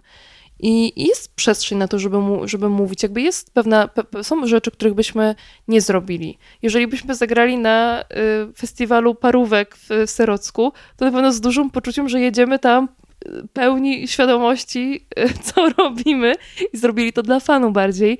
Ale no nie wiem, czy, y, czy to jest. y, No, no jakby, no, no dobra, teraz chciałam powiedzieć, czy to tak naprawdę bardzo złe, że graliśmy na przykład na Openerze. No bo to też jakby idąc tym tropem, jest to ogromna, to jest korporacja dla mnie. Ta, ta jakby to już jest, du, to jest dużo większy mechanizm, dużo większe w ogóle budżety i tak dalej, i tak dalej, i tak dalej. A większość chyba osób, które gdzieś tam są, znaczy no to super rzeczy z drugiej strony, no, na wszystko można spojrzeć, no właśnie na to pytanie, bo jest jakby, mm, dobra, teraz się trochę zapultałam, bo to jest w sumie też trudny, trudny mm, temat, mam wrażenie, że już rozmawiałam ten temat wielokrotnie, a wciąż nie mam jakby nie mam jakichś wypracowanych formułek, którymi po prostu okalam ten temat i przechodzimy dalej, bo to są bardzo su- subiektywne tak naprawdę kwestie. ostatnio na przykład, no nie wiem, no, choć, znaczy wydaje mi się po prostu warto w tym wszystkim zachować zdrowy rozsądek, umiar i, i dobrą wolę. Bo jeżeli chcesz w jakiejś, nie wiem, czyjejś działaniu zobaczyć, do, doszukać się gówna, to je znajdziesz. Totalnie tak, zwłaszcza w komedii. E, tak. I, e, ale jeżeli pomyślisz sobie, kurczę, no jakby nawet czasami, nie wiem, czasami mam wrażenie, że, że się krytykuje, nie zapytawszy danej osoby, powiedzmy, ej, stary, stara, dlaczego to zrobiłeś? Nie wiem, no teraz, y, więc ja się po prostu tego bardzo boję przy takim szybkim wydawaniu osądów, y, bo też jestem daleka od tego, nawet jeżeli powiedzmy ktoś powie wprost, słuchaj, dla kasy, bo już gryzłem gruz i po prostu tu mam dobrą rolę, nie wiem, angaż do paru odcinków jakiejś produkcji czy jakiegoś programu komediowego, albo byłem ciekawy, no nie wiem, chociażby taka rzecz, mm, moja, moja, bo, bo chyba naj, naj, najgorzej mówi się o takich ogólnikach i y, w jakichś takich rzeczach, które naj, najlepiej chyba po prostu mówić na własnym przykładzie. No chociażby mój udział w Drunk History, A to gdzie jest chyba fajny projekt. no jest super projektem, ale nie zmienia to faktu, że najebana bełkotałam, ostatnio w ogóle byłam urodziny na święta i jakoś mi się wymsknęło. Ja staram się w ogóle tego nie, nie, jakby nie epatować tą swoją bytnością gdzieś w większych mediach niż faktycznie ten klubik nasz warszawski. Ale byłam urodziny, gdzieś tam się wym, wymsknęło mi, że ten program, bo się zeszło jakoś na ten program, na alkohol. No ja powiedziałam, że teraz to można zobaczyć na Netflixie. Aj. O Jezus, cała rodzina się zsiadła przed tym, jakby poszła w ogóle do wujków po ciociach, poszła O informacja, matko. że zobaczcie Karolinę. A, I obejrzała to moja dziesięcioletnia siostrzenica. I mówi tak, ciociu, dlaczego ty tyle przeklinasz? Bo naprawdę tam było co trzecie słowo po prostu kurwa, ku, kurwa goniła kurwę kurwą, no za przeproszeniem. I ja byłam zażenowana. Ja siedziałam tam i myślałam, Boże święty, czemu nie wydarzy się cud bożonarodzeniowy i nagle ten telewizor się zapadnie. Mm, Więc tam w ogóle e, żona mojego kuzyna jakoś starała się z tego wybrnąć i powiedzieć, no wiesz, tam to ciocia miała taki scenariusz, musiała to powiedzieć. Nie musiałam, byłam najebana, nie kontrolowałam tego. I, I mam teraz oczywiście jakiś taki moralniaka pod tym względem, że Jezu, naprawdę to ja po alkoholu, Jezu, nie, jestem, i mam jakby, zwłaszcza, że no na co dzień trochę, no nie wiem, no jakby, no, lubię sobie przekląć, ale no bez przesady nie, jak to jest przecinek. I aczkolwiek, jakbyś mnie teraz mimo wszystko zapytał, to i tak bym to chyba zrobiła. Z ciekawości, bo nigdy to była chyba pierwsze w ogóle moje takie doświadczenie w ogóle bycia na planie, bycia przed kamerą. Po drugiej stronie był e, reżyser Janek Macierewicz, któremu w pełni zaufałam i też e, wiedziałam, że jakby co by się tam nie wydarzyło, on tak to wytnie, tak to zostanie zmontowane, że wszyscy będą w dobrym świetle jakby przedstawieni. Mm, I, i, i to też był, znaczy też parę osób chwaliło ten odcinek. Pamiętam, że mieliśmy taki, taką imprezę też, w, którym, pod- w której mieliśmy e, takie, a cały tam w ATM-ie i tam pierwsze takie mieliśmy pokazowe te, te odcinki były pokazane. No i do mnie po odsłonie mojego odcinka podchodzi ten typ mes i mówi, stara, zajebiście, fajny odcinek. Wow, super, ekstra. I, i, I myślę sobie, że pomimo tego, że wiadomo, że teraz jak na to patrzę z perspektywy czasu, to mam takie ja pierdolę, Nora, serio, odrobina elokwencji, ale, Ale o to chodzi w tym formacie. Tak, Dla mnie ale- jakby... ale widzisz, nie zrobiłabym tego, nie spróbowałabym, nawet bym się nie, nie wiem, trochę nawet, no po prostu, byłabym uboższa o to doświadczenie i, yy, i warto, no, jakby Wiesz, ja zagrałem w reklamę środka na pryszcze, więc jakby wspaniale. e, wielu improwizatorów po kolei e, odmawiało i w końcu trzy osoby się zdecydowały w tym Mhm. mm jakby no nie żałuję. Nikt, były takie obawy niektórych, którzy tego nie przyjęli, że a, ludzie to będą pamiętać, będzie siara. No, nie pamiętają. Nie, to było za czasów, No, kiedy jeszcze w klubie komediowym okej. grałem. Nie, nie pamiętasz tego. A z drugiej strony, no i zajebiście. No i dostałem pieniądze, było mi super. No i z z tym masz doświadczenie z pracy w, w reklamie, Tak. masz coś w CV. Okej, było, Boże, no może, no, jakby, no nie wiem, no i co z tego, żeby się, no ludzie mają pryszcze. No, No, no, to no. były nawet spoko reklamy, więc też Mhm. jak na reklamy. Więc wydaje mi się, że jakby z tym, to trochę tak jak w impro tak naprawdę, że tyle się mówi o tym, że te spektakle, w których polegniesz, upadniesz, po prostu dają ci najwięcej. Bo tak jest. Jak najwięcej się uczysz na tych rzeczach. Więc z drugiej strony, dlaczego jesteśmy tak krytyczni wobec siebie, jeżeli chodzi o inne niesceniczne decyzje artystyczne? Więc no, super, zajebiście. Ja z chęcią obejrzałam te reklamy. Ja, bym- ja bym kiedyś zagrała chętnie w reklamie. ale nie, pewnie nie mam warunków, także y, no super rzecz w ogóle. Ile się jeszcze, jak sobie jeszcze myślę o takich rzeczach, chociażby joby. No Znaczy, tak. kto z nas, znaczy mówiąc teraz, to kto z nas, w sensie, że osoby, które są właśnie, siedzą w środowisku i mają, i robią to już też komercyjnie bardziej, no bo czym są joby? No komercyjnym graniem dla, dla często ludzi, którzy woleliby tak naprawdę pić wódkę i bawić się i tańczyć, niż oglądać scenki. Przynajmniej kiedy, kiedy dawniej, kiedy się jeździło jeszcze jakby na, na tego joba do hotelu czy gdzieś tam. I któż z nas nie ma doświadczenia joba, po którym ma ochotę naprawdę po prostu Skoczyć z mostu No. i tak, i się wykąpać. Tak, po prostu Nie, zmyć się, autentycznie zmyć siebie po prostu poczucie żenady. I to nie jest wina joba. To jest wina właśnie tego, że gdzieś tam nam się czasami też, nie wiem, no wiadomo, no widzowie mogą być średni, ale my się zapętlamy w tym, nie gramy swojego, tylko się zapętlamy w tym poczuciu, że o Jezu, trzeba coś teraz zrobić, nagle, nagle pierdzisz pachą, a jesteś jakby, no każ- większość z nas ma takie doświadczenie. Tak, no i po prostu ja dzięki temu wiesz, już zachowasz na kolejnym jobie, jeżeli nie kolejnym, to trzecim, czwartym, piątym, dziesiątym, zachowasz zimną głowę. I też jest bardzo ważne przy jobach po prostu, żeby uczyć się na błędach w ustalaniu warunków, Mhm, nie? Godzina dokładnie. warunków. Chociaż to i tak często nie będzie Och, spełnione, wiadomo. ale, ale przynajmniej Mhm. możesz coś powiedzieć i, i no to prawda. Więc- no, ja więc- też bym był ostrożny z takim ocenianiem. Mhm. Ja, mam, ja mam inne poczucie, że my bardzo dużo, znaczy jak myślę w ogóle o środowisku tym warszawskim, no bo je lepiej znam. Mam wrażenie, że jest trochę za dużo oceniania, a za mało takiej naprawdę zwykłej, serde- serdecznej ciekawości. Ej, co robicie teraz? Poinspirujmy się nawzajem. Jest, dużo się o tym mówi w teorii, że na tym polega impro i impro jednoczy ludzi, no ale ludzie są tylko ludźmi, mają swoje jakieś tam wady, ułomności, mogą się prywatnie lubić, nie lubić, ale brakuje takiej czasami zwykłej ciekawości branżowej. Ej, a co robią koledzy po fachu? Tak, ja, ja, ja tak mam takie wrażenie, że rzeczywiście trochę tego brakuje i sam też sobie mogę trochę y, zarzucić. Mhm. Zwłaszcza ten taki moment bezpośrednio, jak y, resort komedii powstał, część artystów przeszła z Mhm, klubu komediowego, był właśnie takim Wielka schizma. O, wielka schizma, tak. Takim obserwowaniem siebie nawzajem i takim, ja z mojego też, z mojej perspektywy wtedy mieliście, nie, nie mam problemu, żeby to powiedzieć, mieliście przynajmniej tytuły spektakli, które dla mnie były no już za bardzo w stronę tego, co się ludziom podoba, bo to zawsze jest, trzeba znaleźć opis spektaklu, tak żeby ludzie przyszli, nie? I wtedy już trochę za bardzo w to poszliście, ale teraz widzę, że to miało totalny sens, bo szukaliście, szukaliście i teraz te opisy nie są dla mnie rażące, a na pewno nauczyliście się, jak to robić skutecznie. I, Zwłaszcza no, też, no tak jak na to widzę czasami nawet po tytułach, to resort też to gdzieś tam podjął, więc, a, a pamiętam tę krytykę. I ona była dosyć bolesna, tak uczciwie mówiąc. Mm, I wiadomo, że te tytuły czasami są bardziej czy mniej przaśne, no też nie ma co udawać. Jakby to też cały czas jest próbowanie, patrzenie, no są takie rzeczy, że nawet my mamy takie, że już powiedzmy, nie wiem, okej, dobra, chyba tylko nas to śmieszyło. Albo okej, dobra, nie, to już jest za... No jakby pod, pod, pod, podświadomie wysyła to sygnał do nie tego typu widowni może, co trzeba.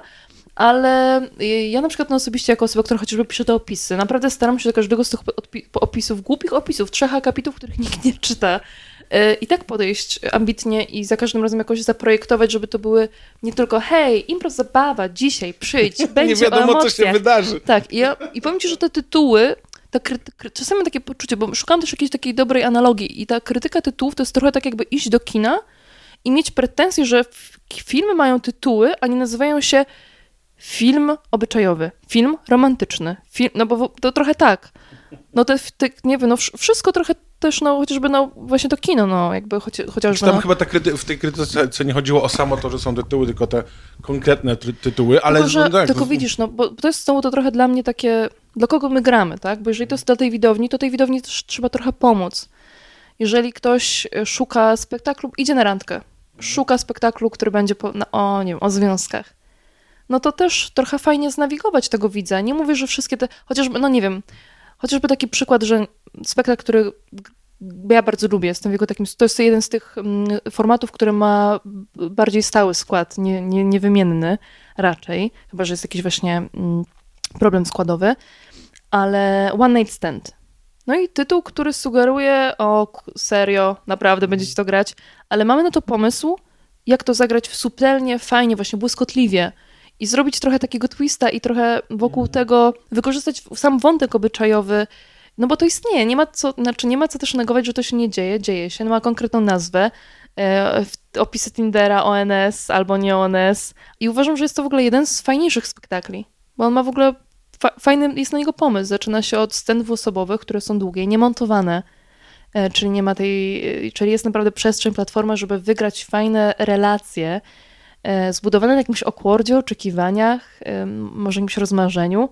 I, może, I można polemizować z tytułem, czy on jest lepszy, gorszy, ale tak naprawdę chyba finał finału ważne jest to, czy zagrasz fajny, dobry, ciekawy spektakl komediowy. No tak, y, weź sobie tytuł filmu Amur, Miłość Mhm. Hanekego. To na podstawie samego tytułu wiesz, czy to jest dobry film, czy nie. No nie wiesz. No Nie, tak. Musisz zobaczyć. Znaczy, na pewno jest mnóstwo filmów y, pod tytułem Miłość i pewnie Mhm. niektóre są dobre, niektóre nie. No tak. Ja też się spotkałem z taką krytyką, ale to już się za głowę łapałem. Nawet nie ma co cię prosić o... o znaczy nie wiem, odnieść się, ale że... Bo ty powiedział właśnie o parach, które na randkę. Ktoś, nie pamiętam nawet kto, ale ktoś mi gdzieś powiedział, że no tak, bo ten klub komediowy to gra dla takich ludzi, co tylko, co, dla takich, co na randki przyszli albo p- z korpo po pracy przyszli.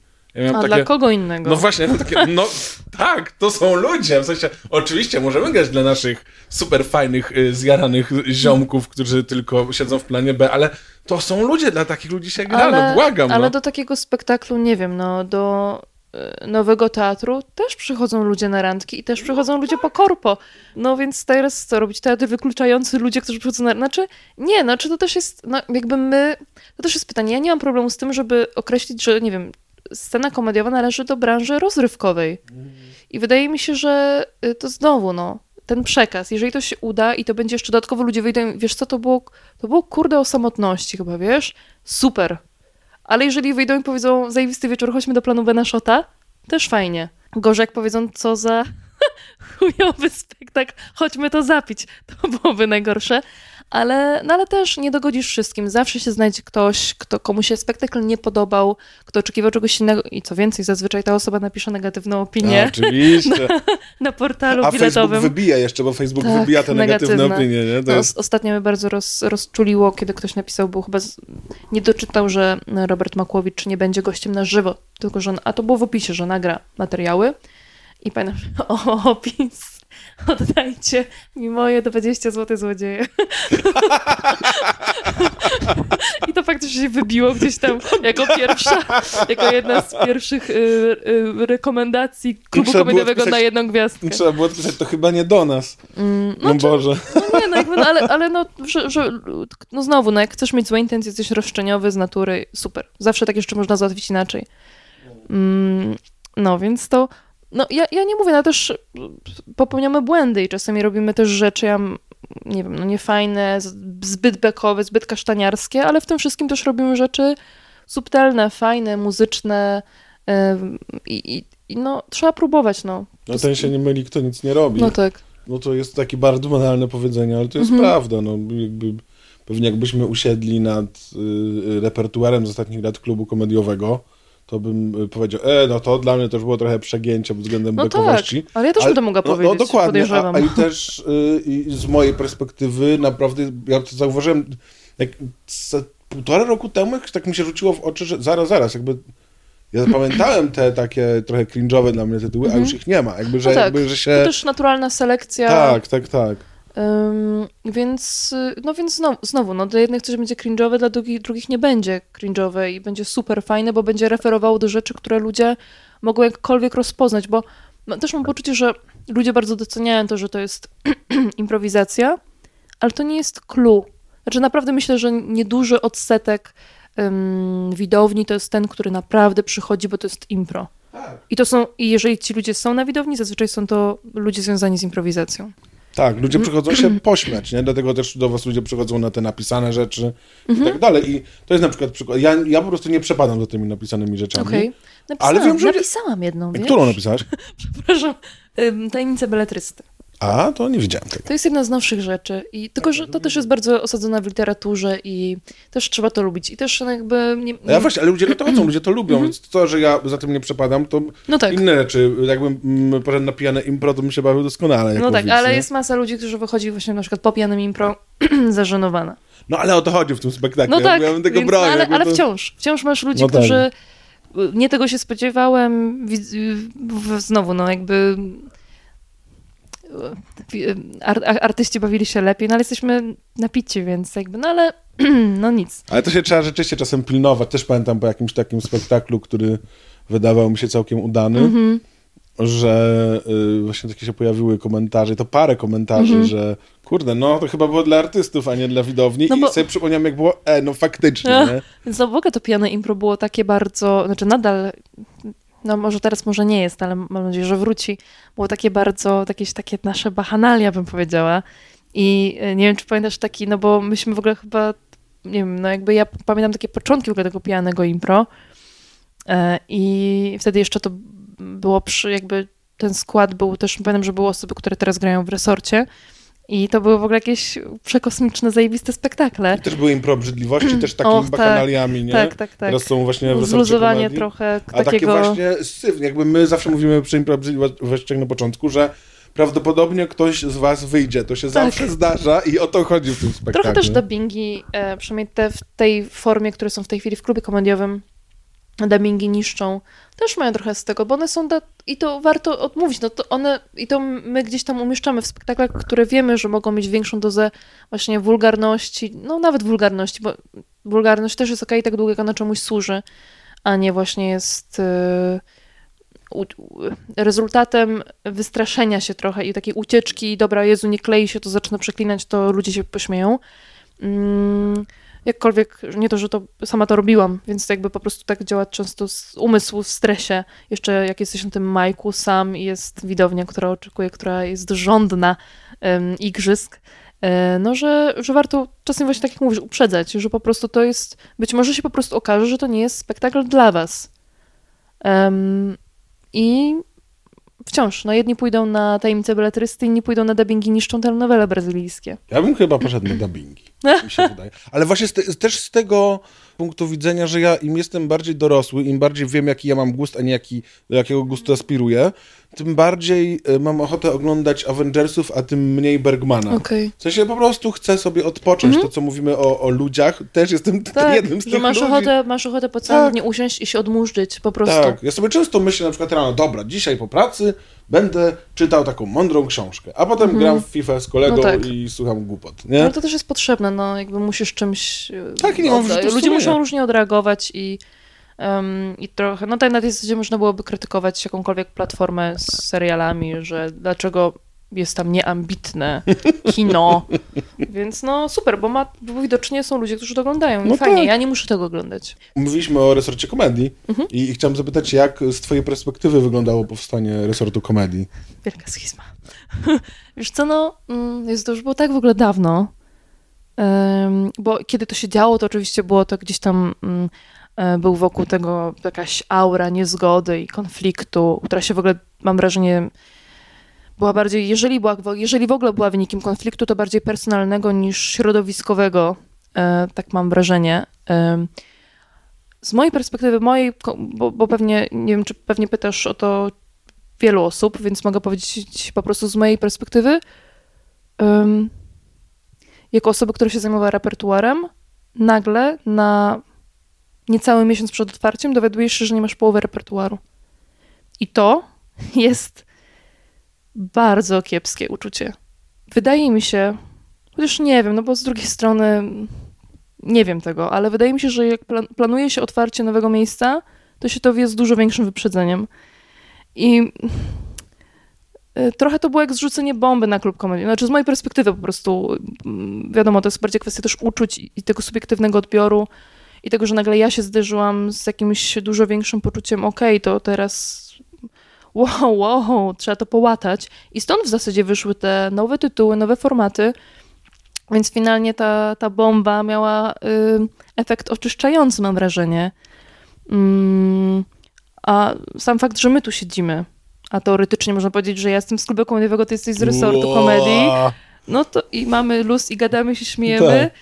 no to chyba to nie wpłynęło towarzysko, mam wrażenie. Jakby cały czas jakby wiele osób, z, z wieloma osobami, znaczy może z wieloma to dużo powiedziane, bo teraz też wiem, że się ten skład trochę zmienił, jest dużo no, nowych ludzi, których ja bardziej kojarzę z fanpage'a na przykład resortu niż jakby prywatnie, ale są osoby, które bardzo, y, bar, m, też jakby lubię, y, cenię i i super. Znaczy, znowu takie.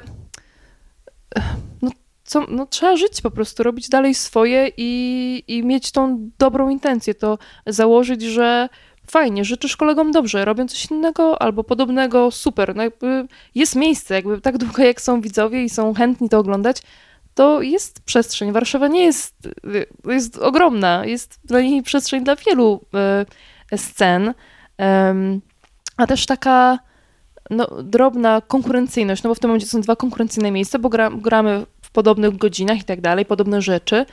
E, jest po prostu fajnym, według mnie, fajną trampoliną, żeby skoczyć w swoją stronę, może tak, jakby żeby się odbić od tego, znaleźć swój styl, znaleźć swoich odbiorców, swoją widownię, ale też się nawzajem właśnie stymulować, że o, oni robią fajne rzeczy, albo o, tu coś tam, a może pomyślmy jak jeszcze, no bo, no bo to jest trochę, nie wiem na ile też um, resort się mierzy z takimi rzeczami jak czynsze, wypłaty, więc po prostu, bo na przykład wiem, że po naszej stronie też jest po prostu dużo poczucia odpowiedzialności, że tak jak już powiedziałam, no jakby jeżeli ja, Michał, Bartek, yy, czy, czy też Hubert, jeżeli nie wiem, my zawalimy, nie wywiążemy się ze swoich obowiązków zawodowych, to po prostu przez nasze zaniedbanie, właśnie, nie wiem, Mateusz, Bartek, Werka, no nie mają roboty i to jest nie okej. Okay.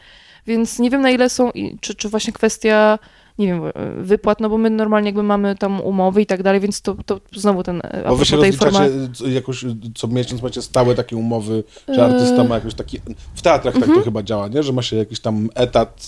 No my nie ma... Trudno powiedzieć tu o etatach, bo my też nie jesteśmy państwową instytucją, ale rzeczywiście jakby są te takie rozliczenia, najogólniej mówiąc, w, stylu, w cyklu miesięcznym. No, no tak, w resorcie też. Tak, no. i y, no, no wiadomo, że to wszystko też jest w widełkach, no bo, no bo zależy od tego właśnie, właśnie, ile będzie spektakli, czy się to uczciwie gdzieś tam proporcjonalnie porozdziela między ludzi, bo to też nie jakby, czy, że zależy też od paru czynników i, i na ile te spektakle są właśnie, nie wiem, atrakcyjne dla widowni.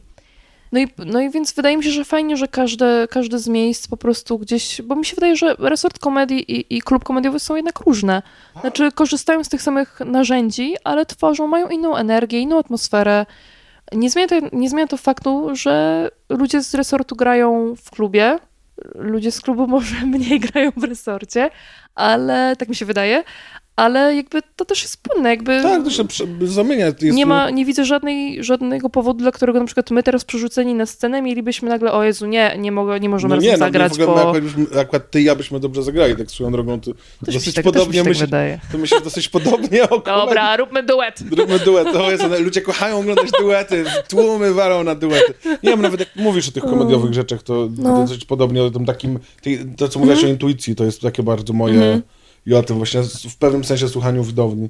Mm, no tak, ale wracając do klubu komediowego, to jest rzeczywiście dla mnie, to też oczywiście był bardzo dziwny moment to -hmm. odejście. Ja się zgadzam z, z, tym, że to pewnie zrobiło dobrze, miejscu, dobrze obu tym miejscom, klubowi komediowemu i resortowi komedii, że one się właśnie rozwinęły w dwie trochę strony się stały bardziej charakterystyczne. To bo... byłoby źle, gdyby się zdublowały. Tak, to, by, no to byłaby jednego... tragedia, nie? No wtedy pewnie jednak by się ludzie zaczęli bardziej nie lubić, pojawiłyby się jakieś oskarżenia o plagiaty, bo przecież się wpada na te same pomysły. I finalnie ludzie chodziliby do miejsca, gdzie jest przy bardziej przypustowy kibel. No tak, no, no tak, nie? I do miejsca, no. które y, kurczę ma ładniejsze Mniejsza grafiki. kolejka do baru tak. i jest tańszy browar, albo nie wiem, albo właśnie jest y, milsza kasjerka, no jakby cokolwiek. U nas są przemiłe. Ale... U nas też. no, wszędzie, mhm. W ogóle ludzie, którzy są wolontariuszami tak. i w resorcie, w klubie, to w ogóle szacun odwieczny. Znaczy, u nas faktycznie y, y, jakby też ten wolontariat coraz bardziej się też profesjonalizuje tak. i cały czas jakby ludziom zostaje zapał wolontariuszy. Ja w ogóle mam sobie cały czas mam wrażenie, zapał wolontariuszki, y, ale rzeczywiście zakres obowiązków się zwiększa, zwiększa się odpowiedzialność, no i też, yy, też pewne związane z tym yy, atuty, nie wiem, finansowe, że nagle sobie po prostu ktoś dorabia no na tak, takiej no, kasie. trzeba płacić ludziom tak, za rzeczy, i, nie? Yy, więc jakby to też ma, y, ma swój plus, że, że gdzieś faktycznie z tego fanu i zajawki są wolontariusze, mm, ale też no, jak się udaje komuś zapłacić, to też fajnie, nie? Żeby dziewczyna, która cały dzień stoi na kasie, czy na szatni, czy ogarnia krzesła, czy cokolwiek, no to żeby też mieć z tego jakąś tam, mm, nie wiem, no, mm, jakiś rodzaj uznania materialnego, No bo też jak długo, jak w pewnym momencie się wyczerpuje ta, ten fan wolontariusza, wjeżdża normalne życie, prawdziwe życie i to, że po prostu potrzebujesz, nie wiem, kasy albo czegokolwiek, no i jakby No tak, to też jest zrozumiałe. No to jak najbardziej. Mhm. Ja w ogóle a propos właśnie tych, tych stron, w które jakby się rozwija i klub komediowy i resort, Mhm. tak właśnie można powiedzieć, że y, klub komediowy w stronę taką y, nie dlatego się zastanawiam, że chcę Mhm. powiedzieć coś nie, y, nieładnego, tylko dlatego, że brakuje mi po prostu słowa w stronę takiej powiem słowo masowość, ale masowość niesie ze sobą złe konotacje, ale nie chodzi mi o złe konotacje. Mhm. Mainstream? Dostępność taką mainstream, ale też nie mainstream, bo mainstream to jest jakiś stand-up patrzeć albo kabarety, nie? Ale Mhm. taką jakby właśnie dla ludzi po pra... zwykły, o, zwykły człowiek, który pracuje na Mordorze, po pracy jest zmęczony, idzie na randkę, klub komediowy, nie? Resort trochę bardziej w stronę Mhm. No właśnie, to jest ciekawe, kto przychodzi, kto tak na tej zasadzie, to kto- kto jest, jakbyś miał, powiedzmy, określić mniej więcej taki profil widza resortu. Wiesz co, ja jak tak patrzę właśnie, bo, bo, bo resort jest taki bardziej mm, wspólnotowy, w sensie, że Mhm. y, też, że też, jest tak mocno ze szkołą impro związany, Mhm. Jest taki, że dużo takich rzeczy, że a, to jest ktoś nasz, a, nasz Grzesiek robi coś tam, a Mhm. nasz y, Maciek robi coś tam, a nas, teraz użyłem niechcący imion ludzi, którzy są naprawdę w resorcie, ale chodziło mi po prostu o y, randomowe imiona. Mhm. I, I jak patrzę, wiesz, jak patrzę na klub komediowy, to patrzę, że przychodzą tacy ludzie, których miałem na ulicy. Po prostu normalni ludzie. Byłem Mhm. teraz, zanim do ciebie wszedłem, byłem w centrum handlowym, no i tam widziałem po prostu ludzi, warszawiaków, tak? Mhm. I tacy między przychodzą do klubu komediowego, pewnie trochę bogatsi, nie dlatego, że są jakieś drogie bilety, no ale jakoś tak się składa, trochę pewnie, jakby, nie wiem, pewnie mają trochę wyższe wykształcenie średnio niż przeciętny mieszkaniec Warszawy, ale jednak normalni ludzie. Y, y, Do resortu przychodzą tacy zajawkowi, też normalni ludzie oczywiście, ale zajawkowicze, więcej jest pewnie uczniów szkoły impro. No tak, bardziej środowiskowe chyba jest Tak, to tak. pod tym względem. Tak, i to ma zalety oczywiście ze Mhm. środowiska, ale z mojego punktu widzenia też ma wady, bo się staje trochę takie wsobne i w którymś momencie się pojawia pytanie właśnie, dla kogo No my tak. to robimy? Czy, czy artyści się bawią lepiej niż... Czy to jest Tak. tak. spektakl, czy to jest pokaz dla kolegów Tak. i znajomych? Są takie momenty, No. to Piotr Popek, stand-uper, mi kiedyś Mhm. powiedział, że ma wrażenie, że czasem śmiechy na improwizacji są grzecznościowe. I rzeczywiście czasem są, No, ale też sobie, y, nie chcę tak wymieniać, ale potrafiłbym wskazać i w resorcie, i kiedyś w klubie komediowym, teraz w klubie komediowym nie, bo tak nie znam, że bo ludzie się śmieją, bo znają tych ludzi. Nie? No tak. To jest, no ja sam tego doświadczyłem z moimi stand-upowymi rzeczami. Jak wychodziłem Mhm. w resorcie komedii, to totalnie wszyscy się pokładali ze śmiechu, bo gdzieś tam jakkolwiek mnie znali. A jak Mhm. No wychodziłem tak. z tym samym na, do normalnych ludzi, to już tak super nie ogóle było. wiesz, że miałam swój mikrodebiut e, stand-upowy. Coś, ale kiedy? To coś słyszałem. E, W klubie komediowym był taki wieczór, który prowadził Łukasz Zajączkowski. Nazywał się Monologi o kurczakach. Coś dziwnego strasznie. I, mm, I to był w ogóle taki mm, okienko pandemiczne, kiedy można było, chyba na widowni mogło być do 25 tak. osób. I rzeczywiście na tej widowni sobie było bardzo mało osób, bo to też późna godzina. Um, spektakl w ogóle eksperymentalny pierwszy i przyszło, nie wiem, 10 osób i to łącznie chyba z obsługą było na, na sali. E, No i rzeczywiście tam ja w ogóle, ja spanikowałam, powiedziałam, że w ogóle chcę być ostatnia E, i jednocześnie pomyślałam sobie, że to jest największe oczekiwania ludzi, ale z drugiej strony odpychała, oddalałam to na maksa od siebie. Co więcej, ten materiał wymyśliłam tego samego dnia, bo założyłam, że dobra, bo ja w ogóle wpa- za Kingę weszłam, bo jakby Kinga, Kindze coś tam właśnie wy, wyskoczyła jakaś niedyspozycja, gdzieś musiała indziej chyba właśnie, grała w ogóle chyba w innym miejscu. No więc ja powiedziałam, że okej, wskoczę i rzeczywiście gdzieś tam rozpisałam sobie i po prostu ran, rano przyszedł mi pomysł, bo jakby rozpisałam sobie mm, jakby ten swój materiał Ym, i wyszłam, ostatnio miałam niby mieć chyba 9 minut, mówiłam 17, ale rzeczywiście jakoś tak te osoby się naprawdę dobrze bawiły, same praktycznie obce. I nawet y, koledzy, czyli właśnie Łukasz, Marcin, Pawlina i jeszcze Hubert powiedzieli mi, że w ogóle super zajebista rzecz. I, I w ogóle jakoś tak poczułam, i to też jest fajne chyba w tym, mm, tym, w tym być może też szukaniu nowych rzeczy, że nagle też masz, ty masz jakieś nowe angaże. To już tak jakby w życiu bym wcześniej, jakbyś mnie zapytał, powiedziała, Jezu, może kiedyś, ale nie, raczej nie chciałabym być. Jeszcze dawniej powiedziałabym ci, nie, tylko impro. Tylko to jest szlachetną sztuką, ale jakiś super fan w ogóle, że, że w ogóle w naszej branży cały czas są właśnie te nowe rzeczy, które ciebie przytr- przyprawiają o to właśnie, no nie wiem jak u ciebie, u mnie takim ym, ym, oznaką stresu są zdrętwiałe, e, nie, nie zdrętwiałe, mrowiące ręce, mrowienie w, w dłoniach. O, to nie, ja tego nie mam. Inne rzeczy O, są... no więc jakby to, za, to i właśnie kiedy już to czuję, to już wiem, że naprawdę jestem wydygana, ale to jakby w momencie, kiedy tylko stajesz na scenie, to w jakiś magiczny sposób się ulatnia i już jesteś tylko ty i, i jakby, i jakby i w tym momencie widownia, która jest twoim partnerem. Tak, no to jest prawda, że y, się zdarzają takie nieprzewidziane trochę możliwości, które z tego grania Mhm. występują.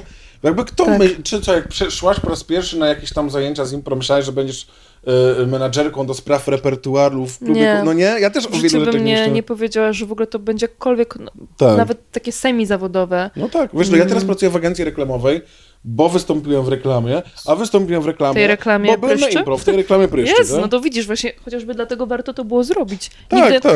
No właśnie chociażby te, te, te rzeczy, nawet za które się możemy teraz kajać, albo właśnie, nie wiem, środowisko, nawet gdzieś tam trzeba było posypać głowę popiołem przed środowiskiem, i, ale też, że nigdy nie wiesz, kiedy się nagle, kiedy ktoś cię nie zobaczył, otwierają się jakieś drzwi, kolejne, następne em, i też w życiu bym wtedy nie pomyślała, ileś tam te 6-7 lat temu, nie pomyślałabym, że, że nie wiem, że będę właśnie występować na scenie, że napiszę jakikolwiek scenariusz, e, że, że wystąpię w ogóle solo, że będę sama, nie wiem, że będę prowadziła zajebisty wieczór przed po prostu, nie wiem, 400 czy tam ile mieścił ten namiot na openerze przed tyloma ludźmi w ogóle i nagle ma, ma, już wtedy wiem, co to znaczy ten crowdwork, że naprawdę ludzie reagują w taki sposób, w jaki to mniej więcej też intuicyjnie i na flow po prostu yy, zainicjujesz, że oni ci odpowiadają mniej więcej w taki sposób, jaki chcesz, że ten żart wchodzi dokładnie w tym momencie, w którym powinien wejść. No to są w ogóle jakieś super, no super doświadczenia. Czy chociażby uczenie, no warsztaty, to też jest bardzo przyjemne. Ja miałam już takie cykle też warsztatów głównie z aktorami, z osobami jednak z, z, właśnie bardziej mm, z branży teatralnej, które po prostu szukają mm, nowych narzędzi, żeby rozwijać swój warsztat. I to impro może nie jest dla nich docelowe, ale jest środkiem do czegoś. I w ogóle jak myślę o improwizacji teraz, to myślę sobie, że nie warto spocząć tylko na impro. Znaczy, spoko, jeżeli dla kogoś impro jest celem samym w sobie, to super, ale myślę sobie, że jeżeli jest nie tylko celem, ale też środkiem do osiągnięcia innych rzeczy, e, chociażby w copywritingu albo w, właśnie w pisaniu scenariuszy do reklam, e, nie wiem, czy w graniu w reklamach, jakby to impro jest super pomocne, jest po prostu tak silne narzędzie, jeżeli umiesz z niego skorzystać, to nagle ci otwiera zupełnie nowe, nowe ścieżki. To pamiętam, e, jak miałam swego czasu właśnie z Michałem Sufinem i z Bartkiem, bo oni obaj są moimi szefami. E, Miałam z nimi jakąś rozmowę podsumowującą rok pracy, coś tam, na którymś tam etapie, nie wiem, dwa lata temu, czy trzy.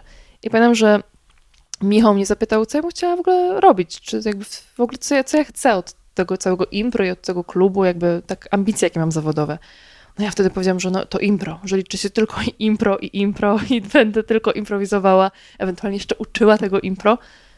I on miał takie, ale znaczy, okej, jeżeli to jest tak, chcesz, to super, ale obawiam się, że szybko się zorientujesz, że to jest za mało. I rzeczywiście, znaczy teraz jak myślę, jaki fan mi daje pisanie scenariusza mm, do jakiegoś tam, nie wiem, serialu, czy chociażby napisanie tego beletrysty, napisanie w ogóle pierwszej w życiu piosenki, ja tam napisałam szantę w ogóle w tym beletryście, która, co do której miałam ogromne wątpliwości, ale dzięki w ogóle jakiemuś fenomenalnemu, e, fenomenalnej oprawie muzycznej Pawła Szamburskiego, jeszcze z, z jakimś wybitnym wykonaniu Kasi Kołeczek, Mateusza Lewandowskiego, Grzegorza Kwietnia i Szymona Roszaka, czułam po prostu dumę, nie będąc sama na scenie, oglądając coś, co ktoś wziął ten tekst ode mnie i sam go wygrał na scenie, taką wow, że to jest i to też jest namacalne, to jest coś, co po nas zostanie, no bo te impro rzeczy są bardzo ulotne. No więc, więc w ogóle to, y, y, jeżeli mogłabym dać jakąkolwiek radę młodym improwizatorom, przepraszam, nie, ale żeby, tak sobie myślę czasami, żeby to impro, bo cz- czasami mm, się to impro traktuje trochę tak nabożnie, trochę się wyzna, jest wyznawcą czasem impro, zwłaszcza na początku. Ja sama też przechodziłam ten etap, żeby pamiętać, że ono, że fajnie, żeby, żeby to impro służyło jednak czemuś, żeby to nie był cel sam w sobie, a, a ta improwizacja po prostu była nawet środkiem, nawet środkiem do tego, żeby po, poprawić swoje relacje z innymi ludźmi wokół, czy w pracy, czy, czy, czy prywatne. To jest w ogóle zajebiste narzędzie, jakby nie tylko na zawodowe, ale także takie osobiste. Impro otwiera wiele drzwi i warto z tych drzwi skorzystać i przez nie wejść. No tak. I tak. myślę, że tą myślą skończymy, bo rozmawiamy już długo i Wow, zaraz nam no. słuchacze y, Odpadną. odpadną. Bardzo dziękuję, Karolina. Bardzo ciekawa rozmowa. Jestem bardzo zadowolony, że, O, że, super. że y, ja się bardzo spóźniłem na tę rozmowę, że nie powiedziałeś, że już za późno. Nie, nie, super. W ogóle y, fa- fajnie, że mi się w końcu udało, bo przez tą pandemię i to wszystko ja też y, nie, nie ukrywam, nalegałam bardzo na taką rozmowę face to face, bo to jest zupełnie inna jakość. Tak, tak. Też się bardzo cieszę. Bardzo dziękuję, Karolina. I wam, drodzy słuchacze, też bardzo dziękuję. A, dziękujemy. za wysłuchanie tego odcinka. Zapraszam do lajkowania nie tylko pytań na Facebooku i na Instagramie i do subskrybowania na YouTubie i do obserwowania na Spotify'u. I klub komediowy też sobie polubmy, polubcie. Polubcie. Ty nie masz swojej y, prywatnej strony artystycznej. Nie mam i też od razu mówię, nie mam Instagrama i nie zamierzam go mieć, także, bo no jakby funkcjonuje na Facebooku, to mi na razie wystarcza. Dopóki się nie ma Instagrama, Facebook wystarcza, więc nie warto mieć y, Instagrama. Jest tak. A, w ogóle, y, a, a właśnie, nie zapytałeś mnie o jedną rzecz, No. ja na to sobie przygotowałam. A dobrze, dobra, nie ma problemu, dobrze. Nie, no bo większość ludzi z tego co ja kojarzę, pytasz o inspiracje takie komediowe. A, trzy komediowe rzeczy, które byś Ja- y, ja- poleciła. Dobrze, skoro sobie przygotowałeś, to proszę bo ja bardzo. wywołałam to pytanie, a mam bardzo przewrotną odpowiedź. No. Bo jeszcze tak, tak już może... Klub komediowy, laki, Nie. Rakieta i Plac Zabaw. Dokładnie tak. I Barka Wisowa czwarta. A właśnie.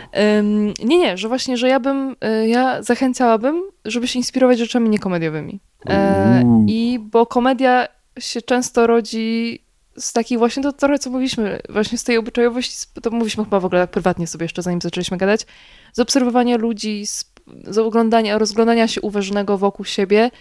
Także ja bym w takich komediowych rzeczach bardziej bym szukała chyba formy, inspiracji, jeżeli formą, a jeżeli chodzi o same treści, to żeby mm, właśnie szukać y, tam, gdzie nie jest komediowo w opisie wydarzenia, tylko właśnie się poszerzyć sobie horyzonty po prostu dobrym, dobrą literaturą, też kiepską literaturą, dobrym filmem, złym filmem, wyrabiać sobie gust i po prostu dzięki temu poznawać świat. Ale żeby nie było, że w ogóle nie oglądam komediowych rzeczy, to ostatnio odkryłam na no, jakby, jakby jako objawienie, bo jak to leciało w telewizji, to ja byłam jakoś, nie wiem, nieuważna na to, jak, jako dzieciak, ale e, Kroniki Seinfelda. A, mój ulubiony Ja wiem, serial. że ja kocham po prostu George Costanza, po prostu uważam, że to jest jedna z najlepiej napisanych postaci świata. No ale to też wynika z tego, że ten spektakl bardzo się odnosił, odbijał od życia i ta komediowość no po prostu y, była bardziej w formie i, i ta komedia, ten humor był bardziej właśnie obyczajowy, językowy i taki, i, i to było super. Moglibyśmy nagrać cały osobny odcinek o Seinfeldzie. Ja Jezus. uwielbiam, to jest mój ulubiony serial Tak, i tak, Seinfelda stand-up widziałem wielokrotnie. Mhm. Dostałem na urodziny teraz książkę z jego stand-up, wszystkie jego bity spisane. Ludzie, róbcie impro, inspirujcie się impro do robienia innych rzeczy, korzystajcie z tego, czytajcie książki, Czytajcie książki. oglądajcie filmy, oglądajcie Seinfelda i chodźcie do klubu komediowego. Ale też do, do innych teatrów. No, do innych, tak, nie tylko na komedię, kurczę, tak, chodźcie tak. jak będzie kino i, y, i bądźcie dobrzy dla piesków. Bardzo dziękuję Ci, Karolina, i do usłyszenia w kolejnym odcinku.